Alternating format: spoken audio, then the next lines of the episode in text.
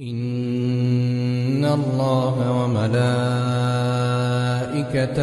يصلون على النبي يا أيها الذين آمنوا صلوا عليه وسلموا تسليما. بسم الله الرحمن الرحيم. والحمد لله رب العالمين وأشرف الصلاة وأزكى السلام. على أحب الخلق إليك سيدنا وحبيبنا المصطفى وعلى آله الطيبين الطاهرين وأصحابه المنتجبين. اللهم إنا نبرأ إليك من حولنا وقوتنا ونبرأ إليك من علمنا وعملنا ونلتجئ إلى حولك وقوتك وعلمك يا ذا القوة المتين.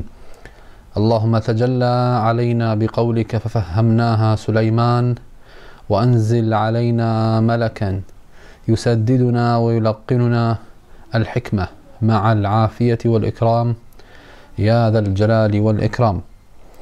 بفضل الله تعالى وتوفيقه تقدم معنا الدرس الأول والثاني على الصحبة.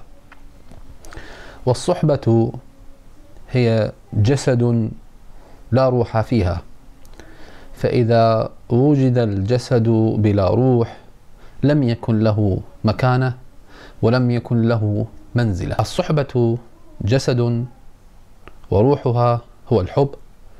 فإن وجد في الصحبة محبة انتفع المريد وسلك وارتقى. وإن لم يوجد بالصحبة محبة كانت مجالسة عابرة لا تزيد عن سماع حروف لا تصل إلى البيت ولا تزيد عن سماع كلمات لا يتأثر بها الإنسان. المفتاح الحقيقي للمعرفة والعلوم والهداية والارتقاء هو الحب. والحب ليس هو زائد عن شرع الله تعالى وإنما هو من شرع الله عز وجل. الحب لله عز وجل ابتدأ به فأحب خلقه وطلب منهم محبته. فلا تظن أن الحب يعني خارج عن الدين أو خارج من الشرع أو هو أمر ثانوي. الحب هو أمر أصيل في سلوك الإيمان ولا يمكن للمؤمن أن يبلغ الإيمان بلا حب. فالإيمان هو الحب ولا إيمان لمن لا محبة له. الحب حرفين طوي عليهما الكون كله من العرش إلى الأرض كله مبني على هذين الحرفين.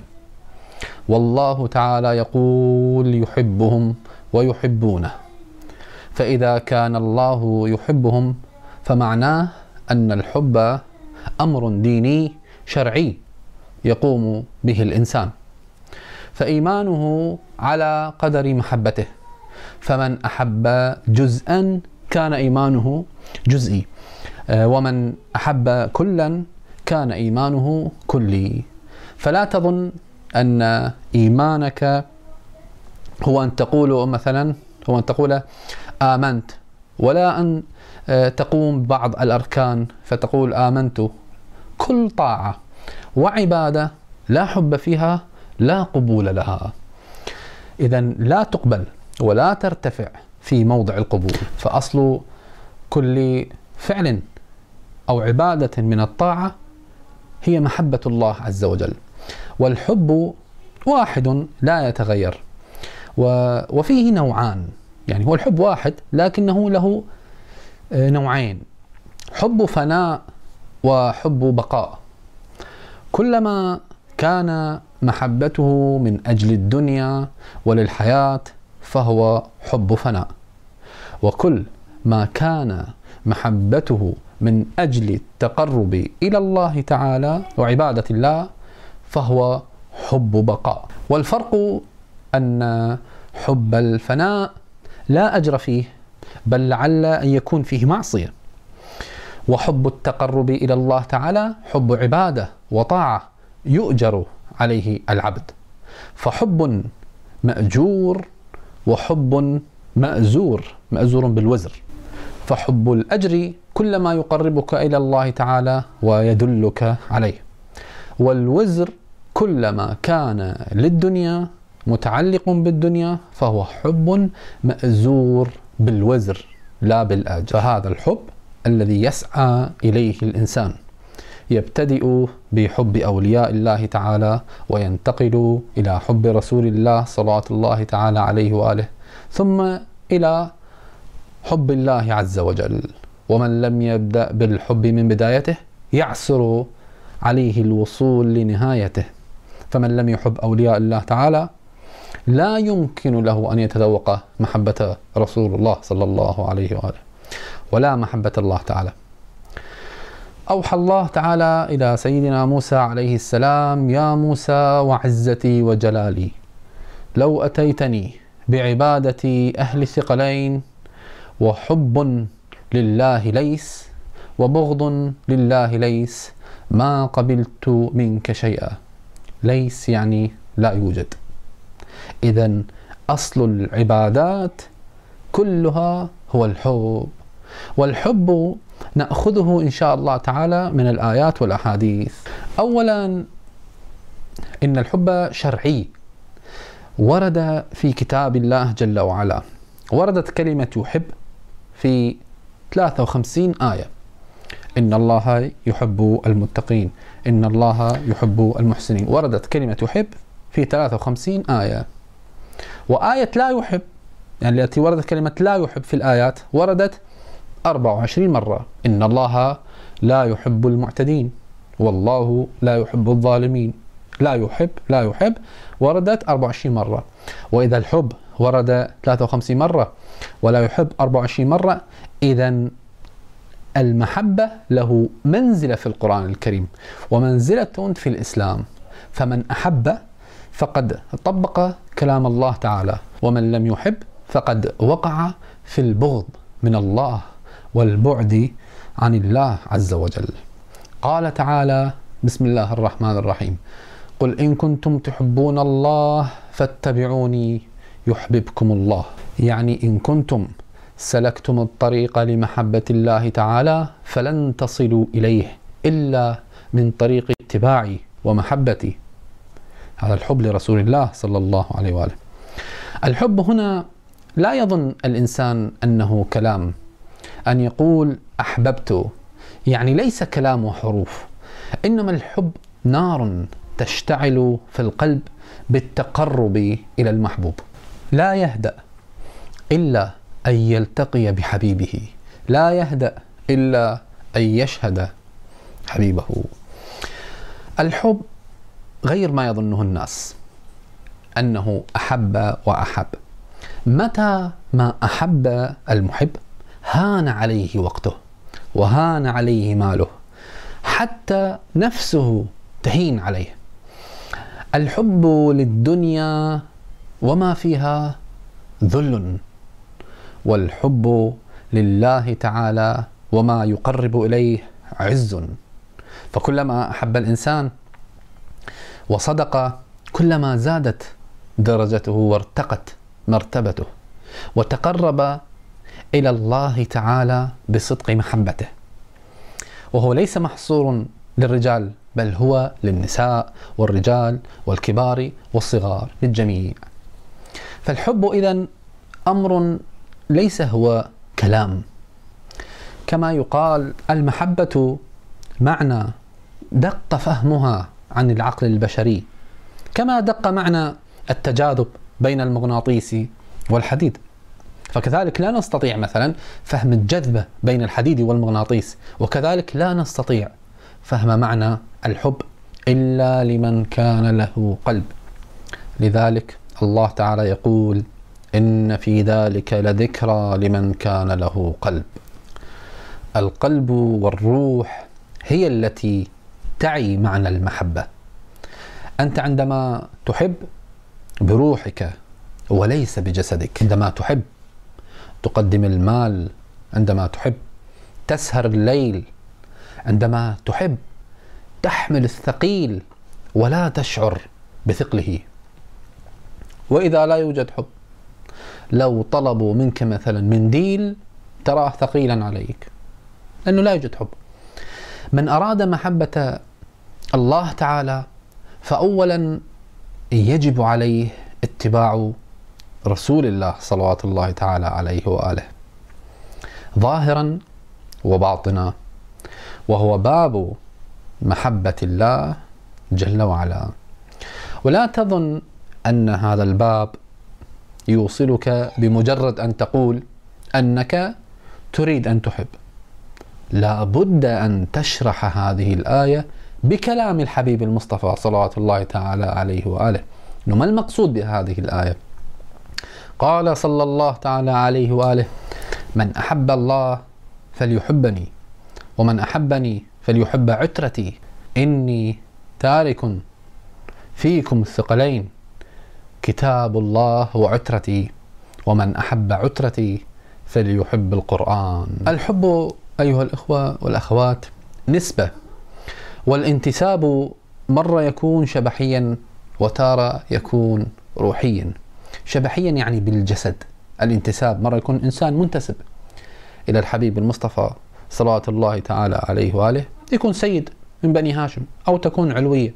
هذا انتساب جسدي شبحي يسمى. أما الانتساب الروحي فهو الانتساب للحبيب المصطفى صلوات الله تعالى عليه وآله. حتى وإن لم يكن من بني هاشم لم يكن سيد مثلا ولم تكن علوية يمكن الانتساب إليه صلى الله تعالى عليه وآله روحيا. يا علي أنا وأنت أبوا هذه الأمة. فانتسابك إلى أولياء الله تعالى والتمسك بهم وبدروسهم وبتوجيهاتهم فعندها يكون وصولك سريعا إلى الله تعالى لأنهم يذكرونك بالله تعالى ويعلمون ما في كتاب الله عز وجل. فإذا كان الإنسان كذلك لديه هذه المحبة ولديه هذا الشوق فعندها لن تحتاج احدا ابدا. فهم في صلاتهم والله تعالى في حوائجهم. الله. فهم في مساجدهم. والله تعالى في نجح مقاصدهم. لا تفكر كثيرا. فالله تعالى هو الذي يقضي حوائجك إذا طلبته. يعني أنت تنشغل أحيانا بأمور الدنيا وتفكر لا دعها على الله تعالى. ذاك الرجل يوجد رجل معتاد أن يذهب يوم الجمعة إلى الجامع ويوم الأربعاء إلى الدرس. فصادف يوم الأربعاء أنه يكون السقي عندهم عندهم الأرض تسقى كل شهر كل 15 يوم مرة كل أسبوعين مرة. فزوجته قالت له لا تذهب اليوم إلى الدرس لازم تذهب إلى الأرض تسقي الأرض. فقال لها أبدا يجب أن أذهب إلى الدرس. درس فيه ذكر الله تعالى ودرس توحيد. فقالت له لكن إذا رحت أنت من الذي سيسقي لنا قال لها. راح أسألك سؤال. لو افترضتي فرضا أني متت مثلا ماذا تفعلون؟ قالت إنه راح ندبر أمرنا. قالها اذا دبروا أمركم اعتبروني ميت. السلام عليكم بدي اذهب قالت زين توقف أه الطحين ما عندنا خبز. الطحين يعني يجب أن تحضره من الطاحونة. ودينا القمح ولازم تجيب الطحين. خبز كيف نخبز؟ قال لها أنا قلت لك أني مت فأنت تصرفي بعد. يذهب يا فلان توقف ماذا تريدين؟ قالت له طيب الحمار هرب من من المكان مالته روح دور عليه على الأقل. قال لها أنا أخبرتك أني ميت. أنتم تصرف بعد. اعتبروني ميت. ماذا تفعلون؟ إني ذاهب إلى ربي سيهدين. فإذا ما دام أنت ذاهب إلى الله سبحانه وتعالى ورايح إلى الله تعالى فالله تعالى سيهديك لا تخاف. المهم ذهب إلى الدرس فانتفع حتى امتلأ قلبه بالإيمان. رجع إلى البيت فشم رائحة الخبز أنه زوجته تخبز. سألها يا فلانة من أين الطحين؟ قالت له أنت لك عند الله تعالى كرامة. أنت ذهبت وقلنا من يحضر الطحين؟ من يسقي لنا؟ جالسين نفكر. وإذا بجارنا يدق الباب قال ذهبت ذهبت إنه أجيب الطحين مالتنا فخربطت. جبت طحنتكم بدل أن يذهب ويحضر طحينه الخاص جاب طحنة جيرانه. يعني بدل ما أجيب الطحنة حضرت طحنتكم. جاره لم يحضر الدرس. ذهب ليحضر الطحين فلما وصل للبيت زوجته قالت له هذا ليس لنا هذا طحين جيراننا. فالله تعالى جعل جاره يصبح حمال. والله في نجح مقاصدهم. فقالت له زوجته نحن أثناء العجن آه، شفنا وحش هاجم على الحمار فخاف الحمار ورجع إلى مكانه مسرعا والوحش أيضا ذهب واختفى. فذهب إلى الأرض ليرى السقي إنه شنو صار؟ فإذا بجاره فتح الساقيه ونام عليها فطافت الماء من أرض جاره إلى أرضه فسقت الأرض كلها. أوقظ جاره وذهب. قال له قوم شوف أنت سقيت لنا أرضنا بالمجان. فصار هذا الرجل يبكي ويقول يا رب تركت الكل لوجهك وذهبت إلى الجامع وأنت تكرمني بهذه الثلاثة أنا لم أفعل إلا واحدة. فتلك الليلة يرى رب العزة في المنام يقول له عبدي تركت من أجلي ثلاث فأعطيتك ثلاث وثلاثين. ثلاثة في الدنيا وثلاثون في الآخرة عند لقائي. والله تعالى في نجح مقاصدهم. بسم الله الرحمن الرحيم. إن كنتم تحبون الله فاتبعوني يحببكم الله. فكل ما يقربك إلى محبة الله تعالى فهذا يعتبر عبادة وطاعة. محبة العلماء ومحبة الشيوخ ومحبة المساجد محبة القرآن الكريم كلها طاعة وعبادة تقرب إلى الله تعالى. فإذا الحب سيخفف عنك الأتعاب ويخفف عنك هموم الدنيا وهذا لو سألنا أحباب الله تعالى لوجدنا هذا حقيقة عندهم. لا يفكر في الدنيا كثيرا ولا في العمل. مجرد أن يخطر بباله الله تعالى يحقق له الآمال. إن لله عباد. إن أرادوا أراد. فإذا أحببت الله تعالى خفف الله تعالى عنك تفكيرك وحمولتك وهمومك. فهذا أول طريق الحب هو تيسير الأمور وقضاء الحوائج. هذا الإنسان يسأل لماذا لا يستجاب دعاؤنا؟ هذا لو كان هناك محبة وصدق لاستجيب دعاؤك. قال تعالى إن الله يحب التوابين ويحب المتطهرين. من هؤلاء الذين يقول تعالى عنهم المتطهرين؟ الذين يقول عنهم الله تعالى في آية المساجد فيه رجال يحبون أن يتطهروا والله يحب المطهرين. فيه هذه عائدة فيه الهاء يعني في المسجد. لمسجد أسس على التقوى من أول يوم أحق أن تقوم فيه. فيه رجال يحبون أن يتطهروا والله يحب المطهرين. يعني لو واحد يسأل الجامع فيه مطاهر؟ وقضاء الحاجات بالداخل هو بالخارج هذه تكون. ما الطهارة المقصودة في الآية؟ لأنه أصلا يجب أن يدخل إلى الجامع طاهر متوضأ وطاهر. لكن فيه يعني الطهارة التي توجد في داخل الجامع هي طهارة الروح من محبة السوى طهارة العقل من التفكير بغير الله طهارة القلب من الانشغال بغير الله تعالى.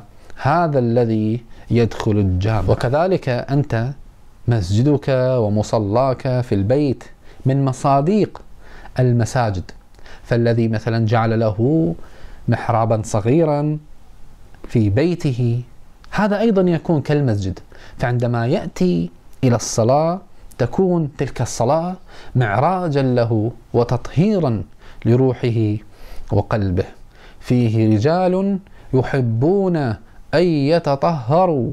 والله يحب المطهرين. فأنت ذاهب إلى الصلاة والذكر بمحبة. والله تعالى يحبك. فالآية إذن الله تعالى ذكر فيها طهارة الروح وطهارة الجسد. إن الله يحب التوابين ويحب المتطهرين. إن الله يحب التوابين أي التوابين طهارة الروح. والمتطهرين للجسد. أما الآية فيه رجال يحبون أن يتطهروا والله يحب المطهرين. فهنا الطهارة التي يحبها الله تعالى هي الطهارة الروحية الذي تطهر من كل السوى. فإذا حب الدنيا نجاسة فلا يطهر القلب إلا بالله ولا تطهر الروح إلا بصفائها مع الله تعالى. وعشقها لله تعالى. فالله يحب التوابين الذين طهروا أرواحهم وطهروا قلوبهم. فهناك توبة للروح وتوبة للجسد. توبة الجسد أن تترك المعصية وتوبة الروح أن تخرج من قلبك كل ما تعلق فيه ما سوى الله تعالى. فيجب أن تطهر قلبك من محبة الغير. فمحبة غير الله تعالى هذا فيه شرك. فالقلب لا يسع إلا محبوب واحد وهو الله تعالى. أما المحبوبات فكل ما يدلك على الله تعالى فهو من محبة الله عز وجل. فمحبة الحبيب المصطفى وأهل بيته الأطهار صلوات الله تعالى عليهم هي من محبة الله عز وجل فهذا حب طاهر لا تدخله الدنيا ولا الشهوة هذا حب طاهر مقدس فهذا الذي يحبه الله تعالى. فهناك توبة للجسد وتوبة للروح وتوبة الروح تسمى إنابة. بسم الله الرحمن الرحيم وأنيبوا إلى ربكم وأسلموا له يعني توبوا بقلوبكم إلى الله تعالى لا تشغلوا قلوبكم بغير الله عز وجل هذا هو الحب الذي يستطيع الانسان ان يصل به إلى الله عز وجل نسال الله تعالى ان يوفقنا واياكم لمحبته كما يحب ويرضى ببركة الخاتم المصطفى وأهل بيته الأطهار. صلوات الله تعالى وسلامه عليهم أجمعين. والحمد لله رب العالمين.